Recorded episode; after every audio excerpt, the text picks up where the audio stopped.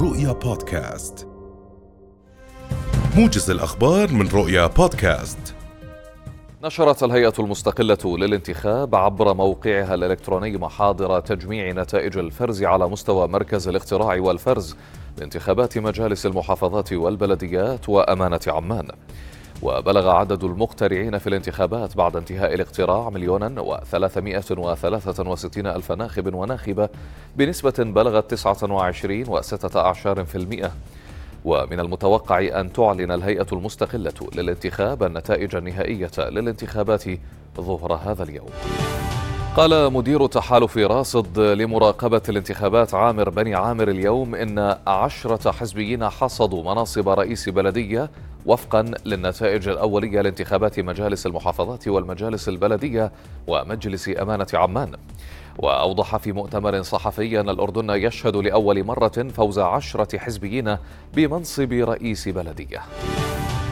أعلن رئيس مجلس النواب اليوم تأجيل جلسة تشريعية لعدم اكتمال النصاب. كان من المقرر أن يتم خلالها انتخاب أعضاء لجنة الصحة والبيئة التي اعتبرت أو اعتبرت منحلة بعد استقالة سبعة من أعضائها قبل أيام.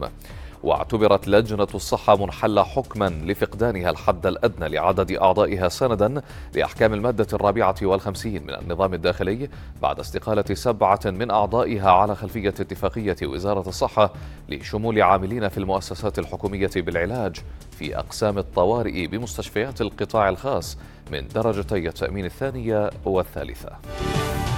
قال المتحدث باسم الكرملين ديمتري بيسكوف اليوم إن العملية العسكرية الخاصة في أوكرانيا تسير بشكل واضح وفقا للخطط والمهام المحددة مسبقا.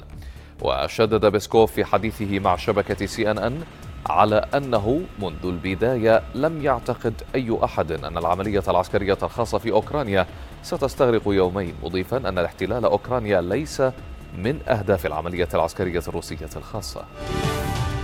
أعلنت الولايات المتحدة أن الأمر يعود لإيران الآن لاتخاذ قرارات صعبة من أجل إحياء اتفاق عام 2015 المتعلق بالحد من البرنامج النووي الإيراني مقابل رفع العقوبات المفروضة عليها.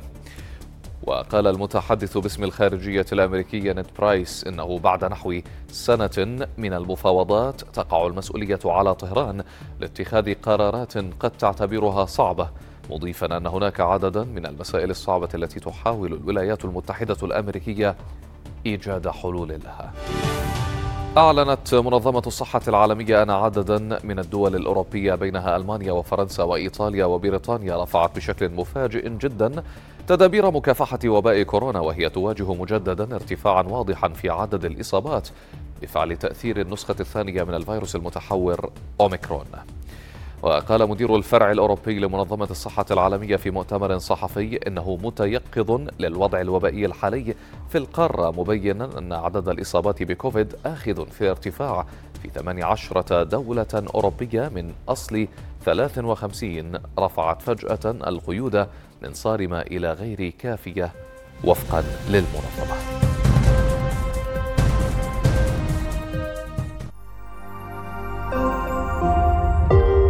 رؤيا بودكاست